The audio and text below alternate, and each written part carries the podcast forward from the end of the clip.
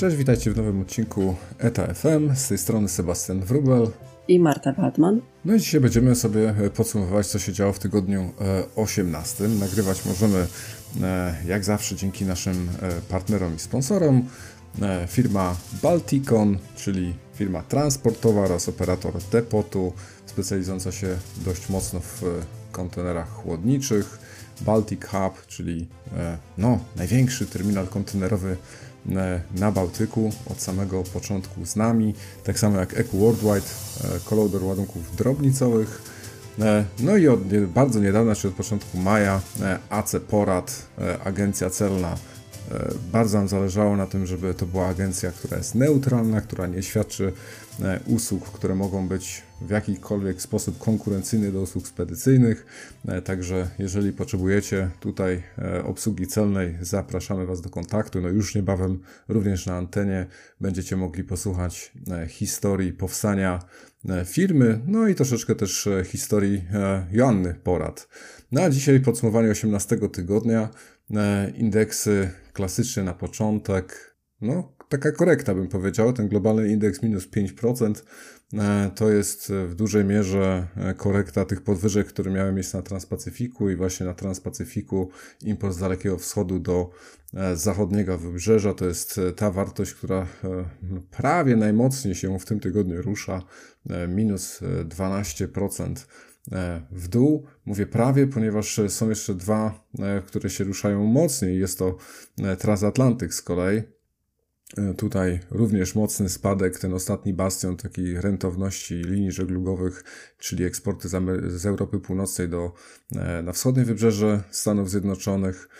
To jest minus 12% i z kolei plus 16% to jest kierunek odwrotny. No tyle tylko, że ten kierunek odwrotny to ma E, wartość tutaj jednostkową 386 dolarów, no, także jest to z kolei jeden z tych najtańszych, można powiedzieć, e, możliwości e, kierunków, jeżeli chodzi o, o frach morski w dniu dzisiejszym. Nie wiem, to chyba to coś, co się spodziewaliśmy, Marta, nie? Bo tak w, w, niedawno, jak w sumie te podwyżki weszły, to właśnie mówiliśmy, że raczej mało prawdopodobne, żeby miało się to ostać na rynku.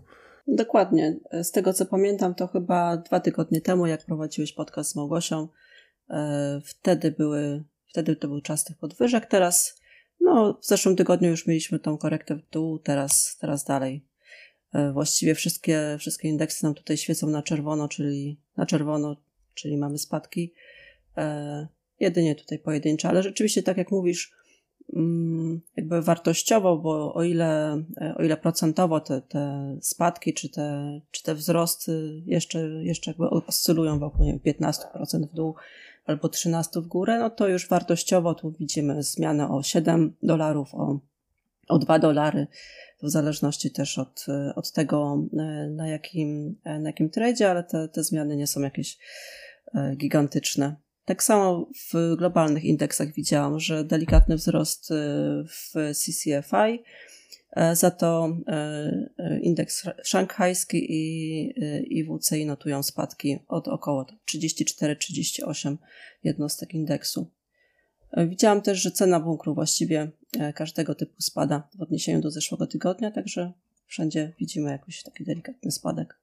No, no, właśnie, ale spadków z kolei nie widać w wielkości e, zapasów, przynajmniej na rynku amerykańskim. E, to zawsze mi jest trochę szkoda, że to jest, e, że mówimy tu o rynku amerykańskim, no ale jest to jedyny rynek, w którym jest to w miarę transparentne, bo tutaj mamy taką instytucję, która, nazywa się, która się nazywa United States Bureau of Economic Analysis i ona właśnie podsumowuje, jakie wielkości zapasów firmy posiadają. No i o tyle, co widzimy, duże spadki wolumenowe, no bo można powiedzieć, że już w tej chwili E, nawet za ten pierwszy kwartał, gdzieś tam około 8-10% e, widać, e, spadają te przesyły pomiędzy kontynentami. O tyle wartość zapasów na rynku amerykańskim wciąż tak mocno nie spada. Jest to dosyć zaskakujące, bo można by przewidywać, że firmy próbują zredukować właśnie wielkość zapasów, znormalizować je trochę. E, a tymczasem e, tutaj statystyki, które zostały przygotowane przez Sea Intelligence wskazują, że ten spadek w zapasach wcale nie jest taki znaczny. Fajne porównanie w ogóle, bo jest porównanie pomiędzy różnymi typami biznesu, czyli są e, hurtownicy, są retailerzy, e, są e, producenci, no i tutaj różne widać dynamiki, jeżeli chodzi o E, o ten rozwój zapasów na przestrzeni ostatnich e, czterech lat. Także widać tutaj bardzo klarownie, kiedy był e, ten pierwszy lockdown covidowy, kiedy zaczęły bardzo mocno się rozkręcać popyt i, i nagle te zapasy zaczęły spadać i wszystkiego brakowało. Jak, jak sobie dobrze pamiętamy, to wtedy był ten szał w ogóle, jeżeli chodzi o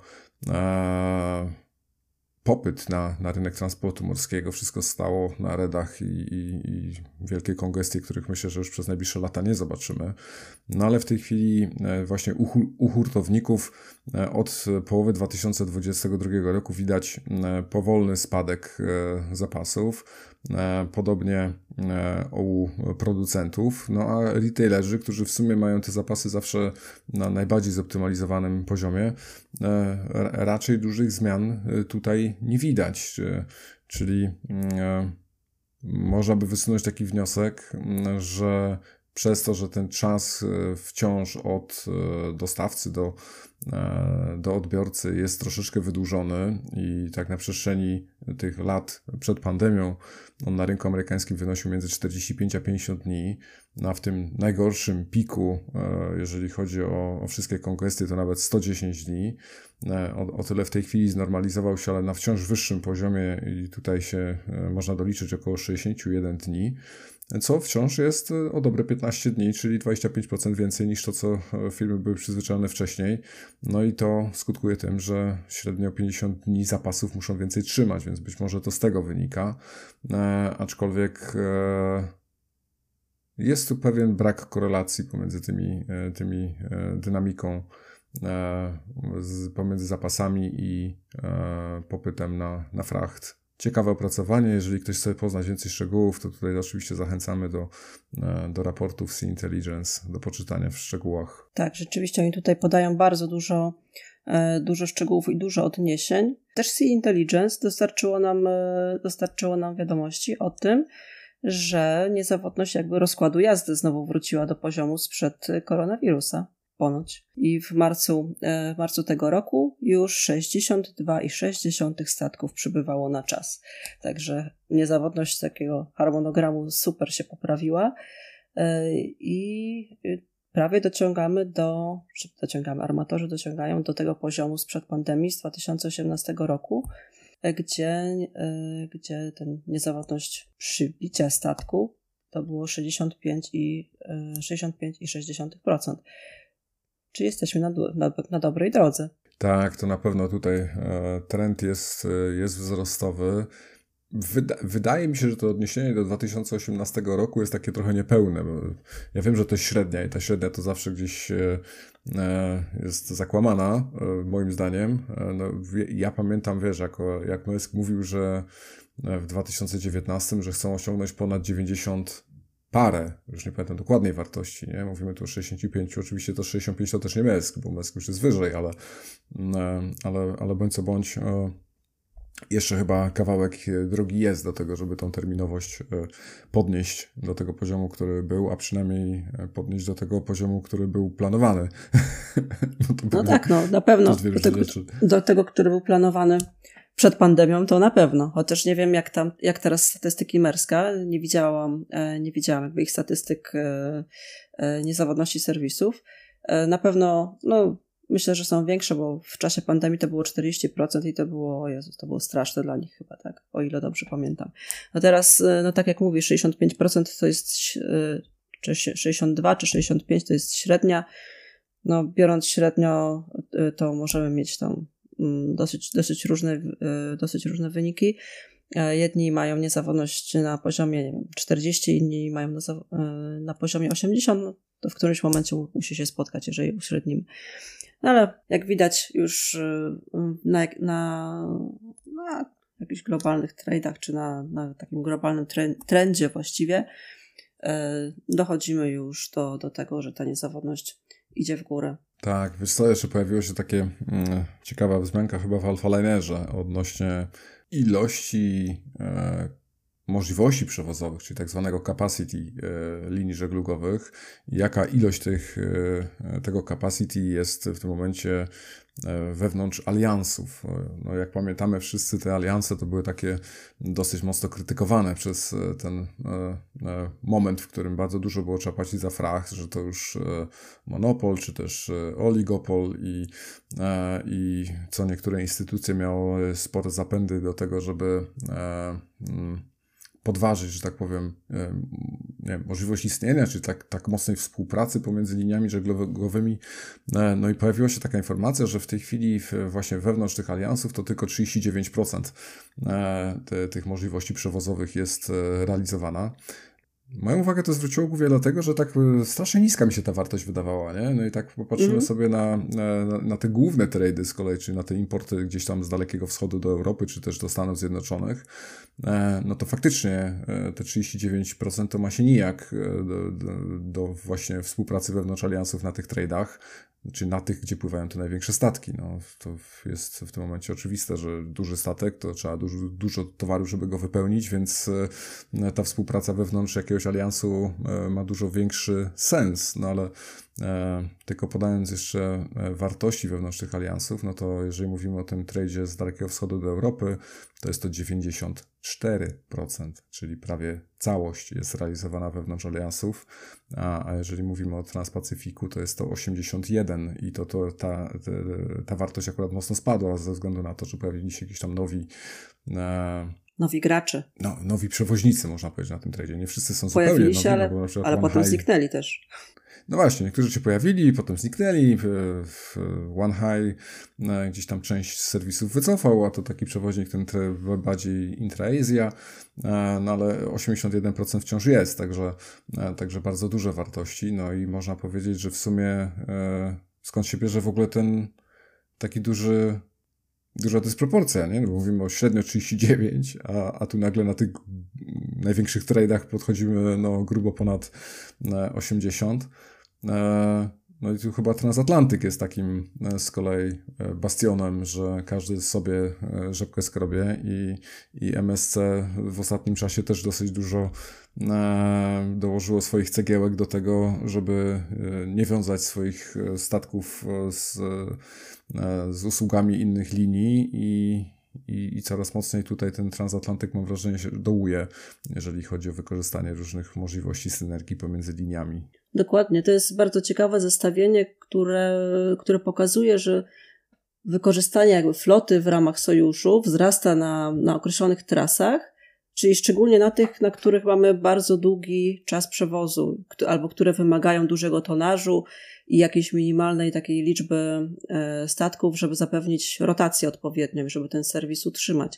Czyli tutaj, e, tak jak mówiłeś, Daleki Wschód, Europa 94%.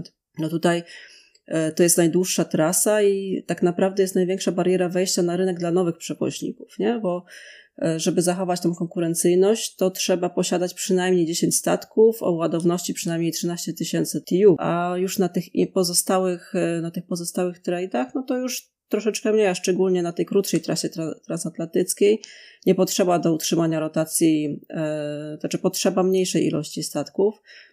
E, I tutaj te sojusze mogą, mogą jakby e, stanowić tylko 47% całkowitej zdolności przewozowej.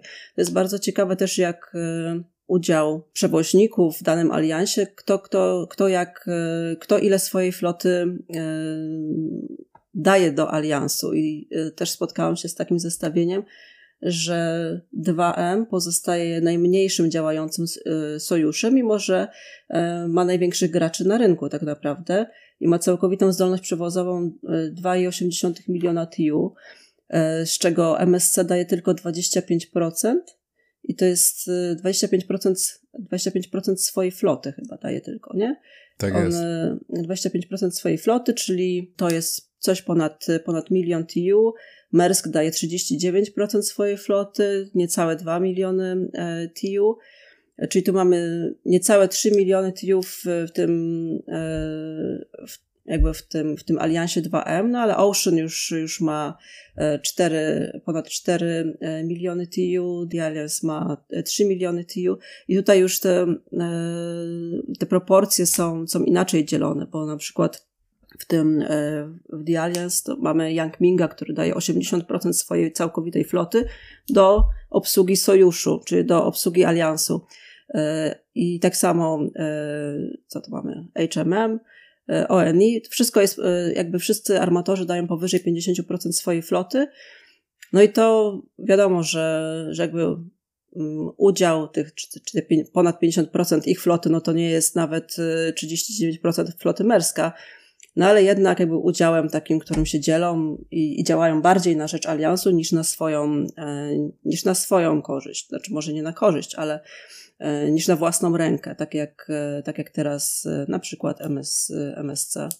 Bardzo ciekawe no, zestawienie, tak, to mi się bardzo podobało. Też, też tak dosyć klarownie tutaj widać na, na tym wykresie, że to e, ci mniejsi, e, to, to, te mniejsze linie żeglugowe właśnie dużo bardziej są zależne od aliansów, nie? To one tutaj walczą o mhm. konkurencyjność swoich serwisów. Ci duzi jak Maersk, jak MSC, jak CMA, jak Costco nawet i Hapak, to, to jednak dużo więcej mogą na własną rękę, no i gdzieś tam pewnie też z tego są w stanie wygenerować lepsze wyniki finansowe. Ci mniejsi, jak właśnie Yangming, H&M, E, Evergreen, e, czy też chyba największy z nich wszystkich ONI, e, jednak im się opłaca bardziej wewnątrz aliansu działać, nie? że nie są w stanie z tych serwisów stworzyć na własną rękę no poprzez dużo mniejszą skalę, no tak powiedziałaś, nie? te długie trasy z dużym tonażem, to żeby jednak ten koszt jednostkowy był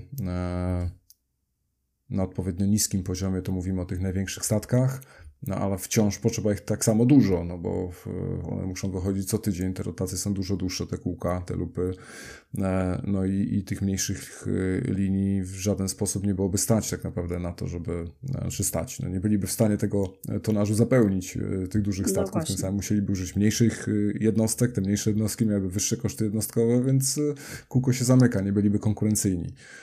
Dokładnie. Więc to, to widać jak na, jak na dłoni z tego wykresu. E, tak e, pa patrząc jeszcze tak wokół serwisów, to w sumie dosyć dużo informacji było e, o serwisach gdzieś tam z, spoza świata, w tym, ty, znaczy z, z innych stron świata. Spoza świata. tak, z Księżyca na Saturn. z innych stron świata serwisy w stylu Australasia do Indii i tak dalej, także o tym nie będziemy się mocno rozwijać. W sumie jedyna taka informacja, która wzbudziła moje zainteresowanie, to jest tą zmianę Zima w serwisie ZMI, E, który właśnie operuje sobie pomiędzy Europą Północną a e, subkontynentem indyjskim. E, no i w tym momencie chyba główna zmiana to jest zamiana Izmiru na Limassol i w ten sposób ten nowy setup będzie sobie pływał z Mundry na Warszawy, Kolumbii, Colombo, Haifa, Izmir, Valencia, Felixstowe, Rotterdam, Hamburg, Antwerpia, Le Havre, aż do Limassol, E, Haifa i back e, z powrotem do Mądry. E, także to taki serwis, na który pewnie w Polsce wciąż może nie być jakiegoś nie wiadomo jak dużego popytu, aczkolwiek jeżeli ktoś wysyła z jakiegokolwiek powodu przez jeden z głównych portów europejskich towar do Indii, czy też importuje z Indii przez port w stylu Rotterdam, Hamburg czy Antwerpia, albo nie wiem, może na rynek francuski wysyła do przez Le Havre, to, to jest to coś e, nowego. Coś nowego, coś z naszego świata bardziej. Tak, niż, coś co dotyczy niż ogóle Europy. niż spoza świata. Ale wracając bardziej jeszcze do, do naszego ogródka e, i do Polski, sytuacja operacyjna na Baltic Hub. E, co my tu mamy? Tydzień 17. W obsłudze Baltic e, Hub mieliśmy statek e, OCL United Kingdom, spóźnił się 56 godzin. E, za to Aliansu 2M Madison Maersk był na czas. Do góry względem zeszłego tygodnia skoczyły średnie czasy przechowywania kontenerów w imporcie, w eksporcie i pustych. Na kolei przeładowano 10% mniej kontenerów niż w poprzednim tygodniu, a nawet poniżej średniej, jak widzę, z ostatnich trzech miesięcy. Za to na drodze okna obsługi były wykorzystane na maksa. Mm, o, 3, o 6 i o 10, i od 10 właściwie przez cały dzień do 23 już było prawie 100% wykorzystanie okien. I co jeszcze ostatnia informacja, którą zawsze najbardziej lubię, tak sobie śledzę, czyli komentarz operacyjny do pracy bocznicy. 18 godzin przerw pracy bocznicy, oczywiście z powodu braku dostępności składów kolejowych. Czyli tutaj już w zeszłym tygodniu mieliśmy już trochę mniej chyba, trochę mniejsze przerwy. Tutaj znowu coś tam się wydarzyło, że wrócili, wróciliśmy do, do jakiejś przerwy w obsłudze bocznicy. No właśnie, to, to też ciekawe to widać od razu, nie? 18 y, godzin przerwy w, w pracy bocznicy ze względu na brak dostępnych składów. To jest już 10% mniej E, przeładunków. No strasznie mhm. dużo mi się wydaje, nie? Wiesz, bo to w sumie mówimy o jednym dniu i 10% spadku, także e, okej, okay, ten jeden dzień to może być ten najbardziej obłożony dzień w tygodniu, no kiedy wszystko ma wyjechać, nie? Ale, e, ale duży, duży spadek tym wygenerowany, no i też widać właśnie tą obsługę okienek w, w samochodach od razu, że też dłuższy czas obsługi, większe wykorzystanie, to jednak nie ma tutaj próżni w przyrodzie, to wszystko musi wyjechać, a jak nie ma pociągu, no to musi wyjechać inaczej w większości no, wypadków. Dokładnie.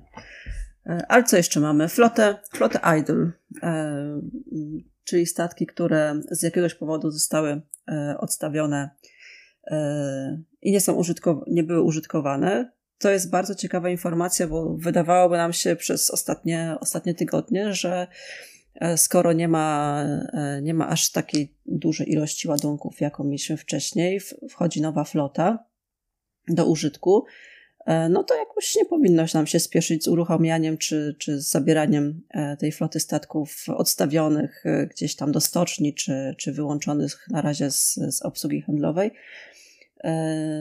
A tu się okazuje, że w ostatnich bodajże dwóch tygodniach na rynek wróciło E, prawie 160 tysięcy TU, które do tej pory były niewykorzystane, e, czyli, czyli tyle statków, które, które zapewniały właśnie taką, taką pojemność, czyli właściwie ta flota bezczynnych przewoźników się zmniejszyła o 30% w ciągu dwóch tygodni ostatnich.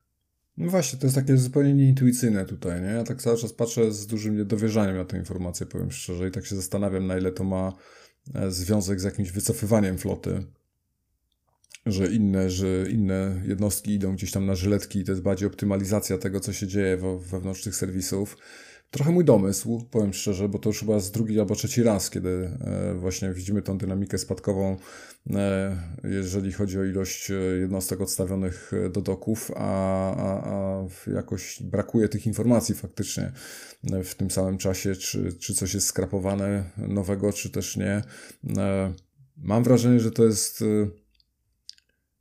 tylko i wyłącznie y, brak informacji w tym samym czasie e, mhm. I, i, i, ta informacja gdzieś wypłynie e, mniej lub bardziej głośna, że jakieś jednostki poszły pod żyletki e, i, i, i to stąd. Bo w, w, inny sposób nie potrafię sobie trochę do końca tego wyobrazić, powiem szczerze. Ładunków jest mniej, więc jest to zupełnie nieintuicyjne, żeby nagle więcej floty wypływało w morze. To, to musi być jakieś działanie optymalizacyjne, ale no dokładnie, to jest, to, to też mnie zdziwiło. Teraz y, mamy już jakby po, tym, po tych opera, po tych dwóch tygodniach mamy y, cztery, to są, to są niecałe ponad 4% e, całej floty kontenerowej. Poprzednio, czyli dwa tygodnie temu, to było aż 5%, aż 5% całości floty kontenerowej, która, która jest na świecie, było odstawione. No ja pamiętam, jak, jak te wartości, jak wszystko pływało, e, wartości floty Idle to było tam w okolicach gdzieś tam dna się e, jednej dziesiątych, czy tam czterech dziesiątych procent, pamiętam taki, e, taki był tydzień, gdzie tylko 40% całej floty kontenerowej było odstawione. No teraz, teraz to, to jakby wzrasta, czy, czy no właśnie nie wiadomo, czym, czym to jest to spowodowane, bo jakby ta tendencja, e, tak tutaj sugerują, że tendencja sugeruje, że przewoźnicy e, wierzą, że najgorsze mają już za sobą, ale, e, ale czy oni rzeczywiście przywracają te statki do, do operacji, no to tak ciężko powiedzieć, bo niby po co mieliby je przywracać, nie? A z drugiej strony mamy, co mamy? Mamy ceny nowych statków, które, które wciąż rosną dla pojemności 23 tysięcy TU, do tej pory też producenci bali się, że zamówienia e, takim po okresie boomu znikną, a teraz znowu w kwietniu, według danych e, Clarksons, to mimo obaw o nadwyżkę takiej mocy produkcyjnych, średnia, średnia cena statków w, w tym segmencie wzrosła znowu o prawie milion, o prawie milion dolarów. A mhm. małe statki troszeczkę spadają. Ceny małych statków. Nawet, z drugiej chociaż strony, nie, która, chociaż która nie. Cena nie wzrosła ostatnio, nie?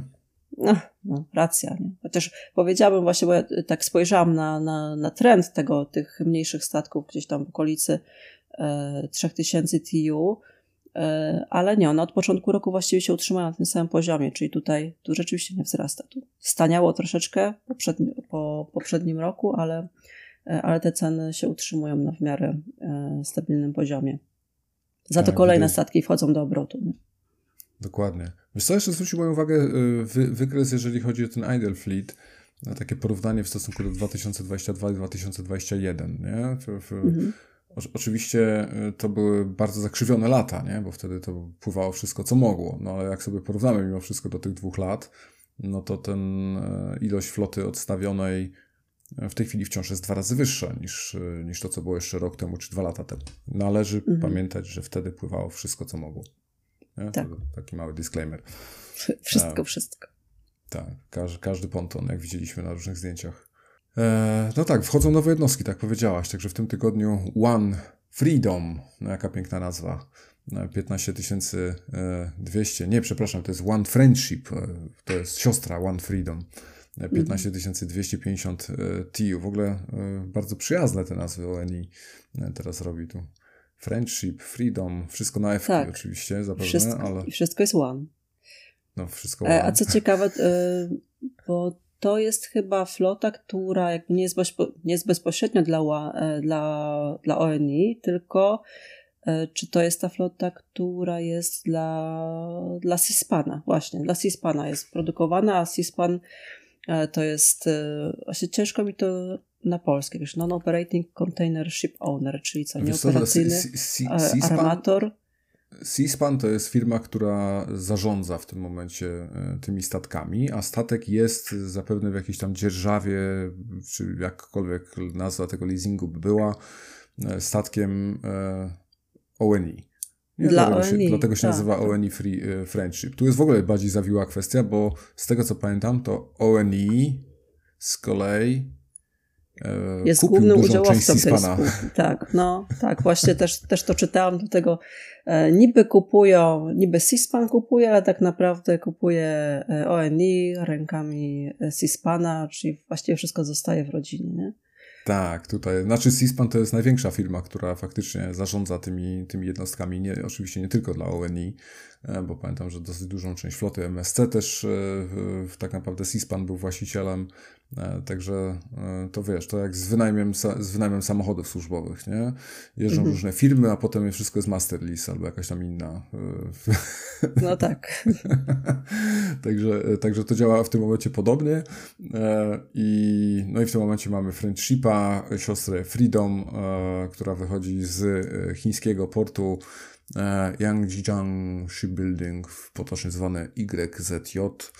E, no i to sobie w tym momencie wychodzi w morze. I tak jak patrzę sobie na te nazwy ONI Freedom, jak ładnie to brzmi, a potem mamy drugą informację o High'u. E, no i High już ma mniej górnolotne nazwy, bo się nazywa High 351. tak. Który ma siostrzany statek High 355. No, także oni tutaj liczą, oni po prostu liczą. Może to jest, y, może to jakaś numerologia tutaj wchodzi w grę, może wiesz. Coś ciekawego jest... można z tego jeszcze wywróżyć.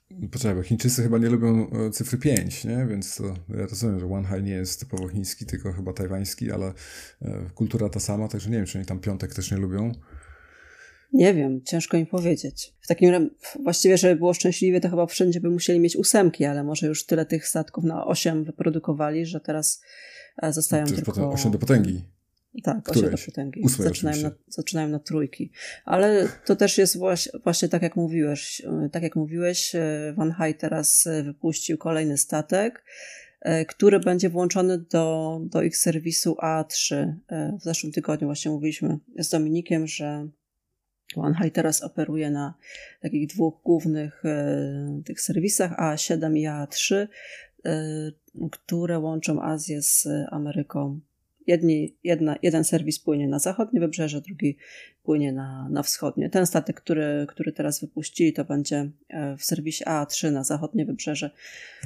Także dalej wypuszczają. Ale wiesz, co mnie zdziwiło? Bo, bo tutaj, wiesz, serwis operuje głównie na jednostkach 13-tysięcznych, a, a, ten sam, a tym samym One High 361 ma jedynie 3000 i to tak strasznie duża dysproporcja mi się wydaje.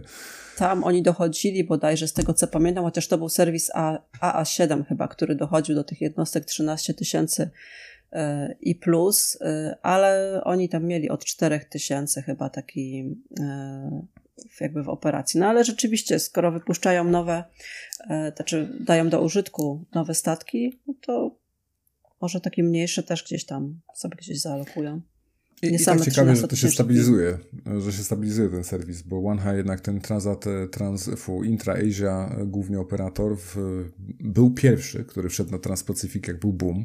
Był też pierwszy, który zawinął serwis, jak zaczął się rynek zmieniać z powrotem, no ale jednak widać, że jakiś tam pomysł na ten e, obsługę transpacyficznych e, przepływów mają. E, to, co mnie pewnie jeszcze bardziej zdziwiło, to jest e, kolejny zakup z drugiej ręki MSC i to już e, patrzę na tej MSC to już wszystko Serio? kupuje chyba, coś się tam, coś się podwinie na winie.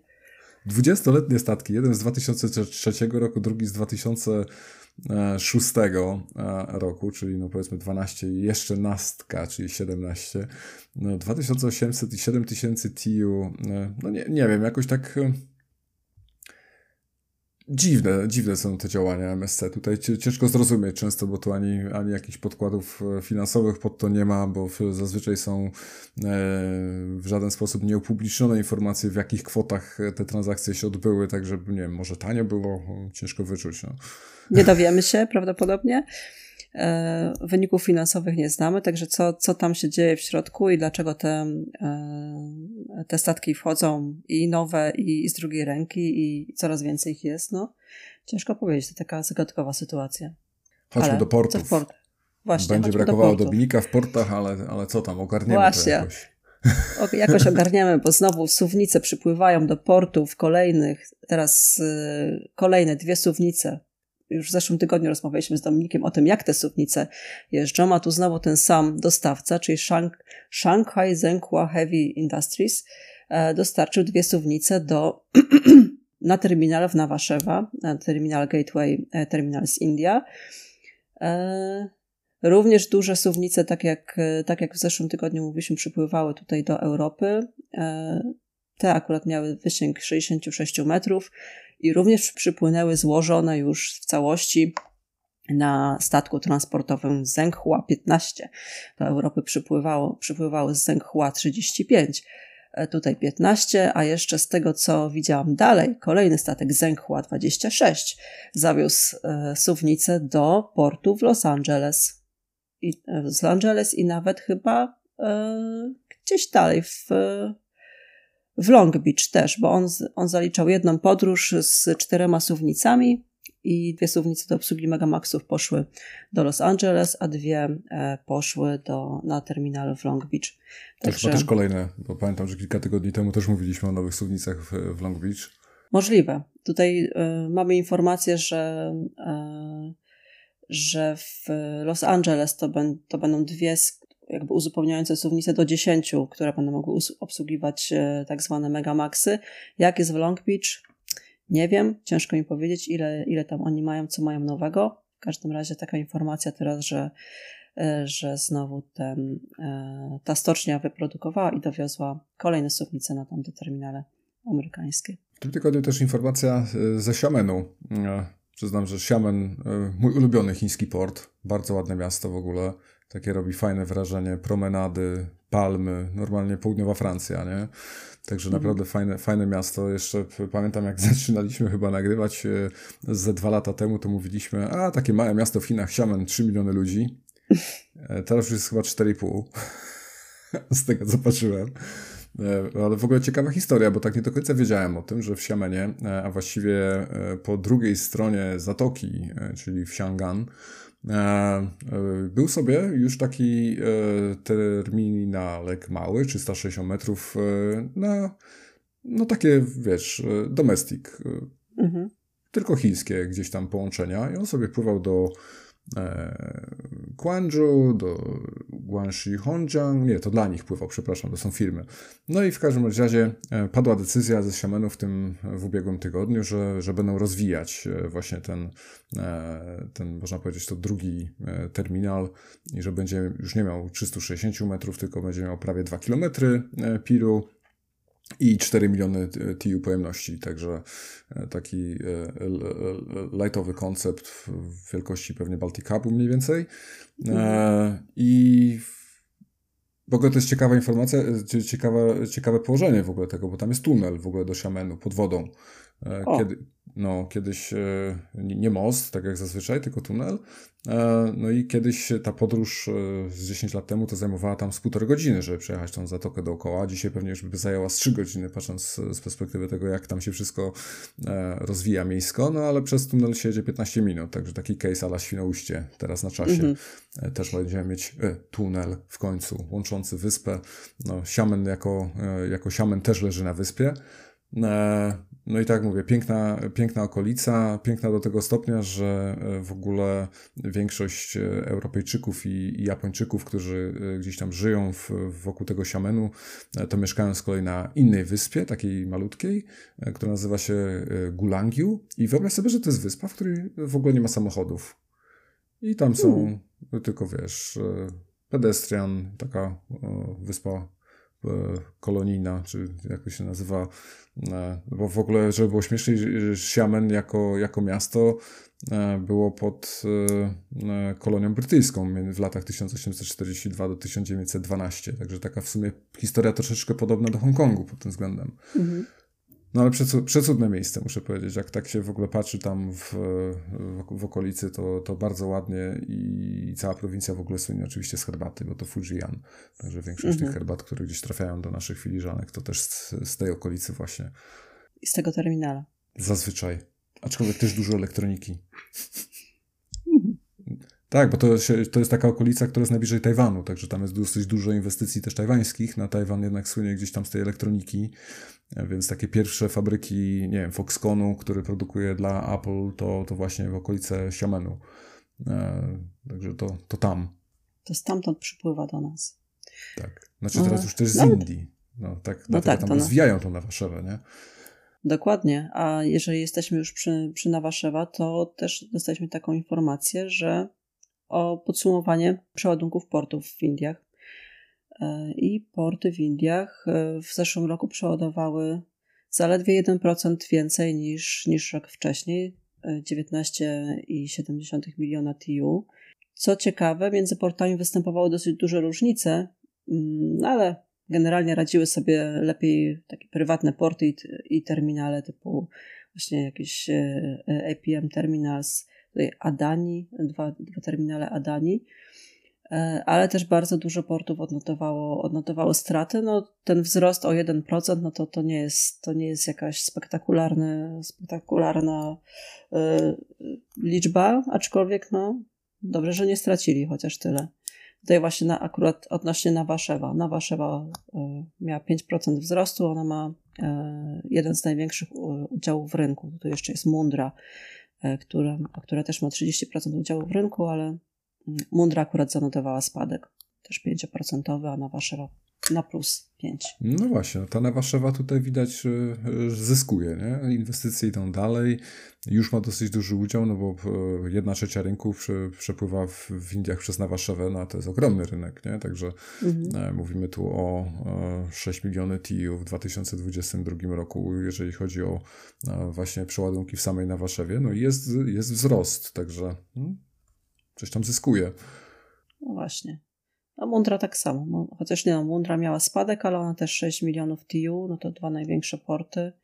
Ostatnio gdzieś słyszałam, że, że Indie wyprzedziły właśnie Chiny tak demograficznie, e, że już są, że jakby Chiny nie są najludniejszym krajem świata, tylko, tylko są Indie, a poza tym Indie są e, demograficznie młodym narodem e, w, w porównaniu z Chinami. Także może tutaj się będzie ten rzeczywiście ten rozwój kierował w tą stronę też. Wiesz, ten 1% na plus to i tak jest całkiem dobry wynik. Trzeba tutaj tak to podsumować, no bo gdzieś mi mignęła też informacja z Eurogate'u, też porównanie tych samych lat i tam był 8% spadek, jeżeli chodzi o niemieckie porty, nie? Mhm. No, a bądź co bądź, e, jak popatrzymy sobie z kolei na, e, na te wyjścia, no głównie gdzieś tam z, z Dalekiego Wschodu, no i, i ten subkontynent indyjski tu nie jest wyjątkiem, e, no to one wysyłają do Europy Północnej, do Mediterranean, do Stanów, no i w te, właściwie wszystkie te destynacje zaliczyły spadki, więc ten 1% na plus w, samych Indiach, to, to jest całkiem dobry rezultat. Czyli tylko się cieszyć. Znaczy Hindusi mogą się cieszyć. Bo Hindusi mogą się cieszyć. Tak, na pewno się cieszą. Ale jeszcze, nawiązując do basenu Morza Śródziemnego, e, w zeszłym tygodniu rozmawialiśmy z Dominikiem o takich ciekawych serwisach Conro. E, I tutaj mówiliśmy, że jest trzech głównych operatorów czy armatorów operujących w serwisach Conro: Grimaldi, e, Messina i, i NS, NSCSA. I właśnie w tym tygodniu dotarła do nas informacja też e, o tym, że Messina Line, czyli jeden z ostatnich przewoźników, którzy się spe specjalizują w, w, takim tonażu, w przewozie tonażu Conro, e, chyba rozpoczął takie wycofywanie się z tego rynku i sprzedał dwa ze swoich e, mm, nowoczesnych, tak zwanych nowoczesnych kontenerowców RORO, E, który już, już ma bodajże miał 10 lat ponad. E, I w zamian za to nabył dwa kontenerowce e, w 4600, 4600 TU. No, sprzedał dwa statki z siedmiu Conro, czyli rzeczywiście to już może rzeczywiście się wycofuje. A jako, że to był drugi, drugi największy operator takich ładunków, no to może rzeczywiście w kontenerach jest, jest przyszłość raczej niż, niż w takich ładunkach e, mieszanych na statkach. No właśnie, to, to, to, trudno mi to sobie tak e, wytłumaczyć, powiem szczerze, bo w, w chwili obecnej właścicielem e, grupy Messyna w 37% jest MSC. Ach, znowu MSC. E, no właśnie, i to też tak zawsze dziwi, nie? Tutaj e, Samo Messyna jeszcze oczywiście to jest nazwisko, nie, myli, nie mylić z Cieśniną, aczkolwiek blisko, e, bo firma pochodzi z Sycylii, także myślę, że tutaj nie jest to e, żaden zbieg okoliczności, że rodzina z Sycylii o nazwisku Messina była w stanie rozwinąć taką działalność, to chyba musi być rodzina, że tak powiem, z długimi tradycjami i raczej zamożna. Mhm. E, w każdym razie MSC w ponad 1 trzeciej jest właścicielem tutaj Messina Line. Na MSC, jak widać po swoich zakupach e, z drugiej ręki, cały czas e, ciśnie e, na flotę kontenerową, więc być może to jest trochę z tym też spowodowane, nie? Może też, może już w każdej, w każdej gałęzi swojej działalności gdzieś trzeba te kontenerowce, które kupujemy, upchnąć. Więc dajmy też do Messiny, zamiast tego jedno, zamiast tych dwóch statków, dajmy im, dajmy im kontenerowce. No tak, także tymi, tymi Conro i e, trendem do ładunków skonteneryzowanych, e, a dla przypomnienia jeszcze mieliśmy niedawno e, urodziny pierwszego kontenera, o którym gdzieś tam rzucaliśmy posty. Na, dzisiaj sobie zakończymy. O właśnie. No, także urodziny kontenera, ważna rzecz. E, trend, jak widać, cały czas się rozwija. 26 kwietnia, pamiętajmy, pierwszy, może nawet nie kontener, tylko to było e, pierwszy przewóz chyba, nie? No, taki komercyjny, pierwszy bo tam też kontener. dostawaliśmy właśnie informację bodajże od e, Mateusza, że kontenery tak naprawdę były wcześniej używane już w ładunkach e, w tych militarnych. Wojskowych. I więc, mhm. więc mówimy tu o pierwszym przewozie komercyjnym. No, armia ma dosyć duży wkład w rozwój logistyki na przestrzeni lat. Każda osoba, która gdzieś tam miała swoją styczność z nauką e, o logistyce, to na pewno o tym wie, że początki samej logistyki jako, e, jako całego mm, obszaru właśnie mają swoje początki w, wewnątrz wojska, no i tym samym sam kontener, podobna historia, no ale przyjął się na rynku, rozwija się dalej. Widzimy już wychodzą statki Conro, wchodzą kontenerowce, więc myślę, że świetlana przyszłość przed nami dla wszystkich osób, które są związane ze skonteneryzowanym e, frachtem morskim. E, Więc tym pozytywnym akcentem na dzisiaj zakończymy i życzymy Wam wszystkim udanego tygodnia po majówce. Chyba pogoda idzie, tak trzymam kciuki tak mocno. W ciągu tygodnia na pewno będzie pięknie. Życzę Wam słonecznego tygodnia i być może słonecznego weekendu też. Pa, dzięki. Może. pa.